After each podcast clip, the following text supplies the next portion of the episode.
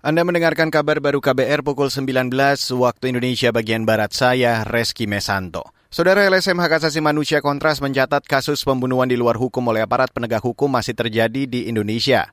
Dalam catatan menjelang Hari Hak Asasi Manusia Sedunia, Kontras mencatat jumlahnya mencapai 50 peristiwa pembunuhan sejak Desember 2021 hingga November 2022. Peneliti Kontras Rozi Brilian mengatakan, Kasus pembunuhan di luar hukum oleh aparat mayoritas pada terduga pelaku tindak pidana yang seharusnya diadili melalui proses peradilan yang adil dan sesuai prosedur. Kadangkala kami melihat bahwa uh, kepolisian tanpa tindakan yang terukur itu mengeksekusi uh, pelaku terduga sorry terduga pelaku tindak pidana di lapangan. Nah hal inilah yang sebenarnya kami tentang dan harus ada mekanisme perbaikan dalam eh, institusi kepolisian untuk lebih patuh pada instrumen internalnya sendiri bahkan. Peneliti Kontras Rozi Brilian mencontohkan kasus penembakan terhadap warga sipil yang menolak pertambangan PT Trio Kencana di Sulawesi Tengah diduga dilakukan oleh aparat.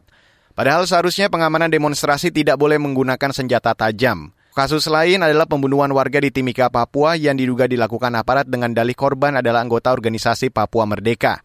Kontras juga mencatat selama periode setahun terakhir terjadi 336 kali penembakan oleh aparat kepolisian yang memperlihatkan penggunaan senjata api yang tidak terukur.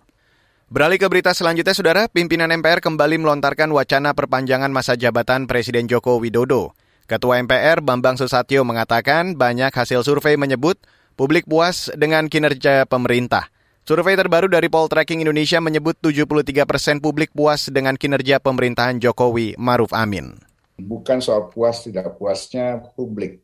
Tapi apakah ini berkorelasi dengan keinginan publik untuk terus Presiden Jokowi ini ya, memimpin kita semua. Artinya pemerintahan ini dua tahun lalu telah kehilangan kesempatan untuk bergerak karena COVID dua tahun. Nah, kemudian kita sama-sama tahu deras sekali pro kontra di masyarakat ada yang memperpanjang, ada yang mendorong tiga kali. Ketua MPR Bambang Susatyo mengatakan pertumbuhan ekonomi negara terancam kondisi resesi global dan bencana alam. Ia mencontohkan pergantian pemimpin Inggris berdampak pada merosotnya kondisi ekonomi di negara itu. Wacana perpanjangan masa jabatan presiden sebelumnya menuai banyak penolakan dari berbagai masyarakat sipil dan mahasiswa. Saudara lebih dari 20 rumah dan toko di Kabupaten Aceh Utara rusak setelah diterjang angin puting beliung. Bencana ini memaksa warga mengungsi. Juru bicara pemerintah Kabupaten Aceh Utara, Hamdani, mengatakan terjangan angin kencang itu berlangsung beberapa menit. Warga panik karena atap rumah dan dinding rumah berterbangan. Ya, kita terus menghimbau dan mengajak masyarakat untuk berhati-hati keluar rumah de, uh, dengan mengamati cuaca. Apabila cuaca ekstrim, mohon untuk tidak keluar rumah atau harus waspada. Juru bicara pemerintah Kabupaten Aceh Utara, Hamdani, mengatakan Dinas Sosial sudah diterjunkan ke lokasi untuk menyalurkan bantuan bagi para korban. Saat ini pemerintah daerah masih mendata lebih akurat jumlah kerusakan, tidak ada korban jiwa dalam bencana tersebut. Dan saudara, demikian kabar baru saya Reski Mesanto.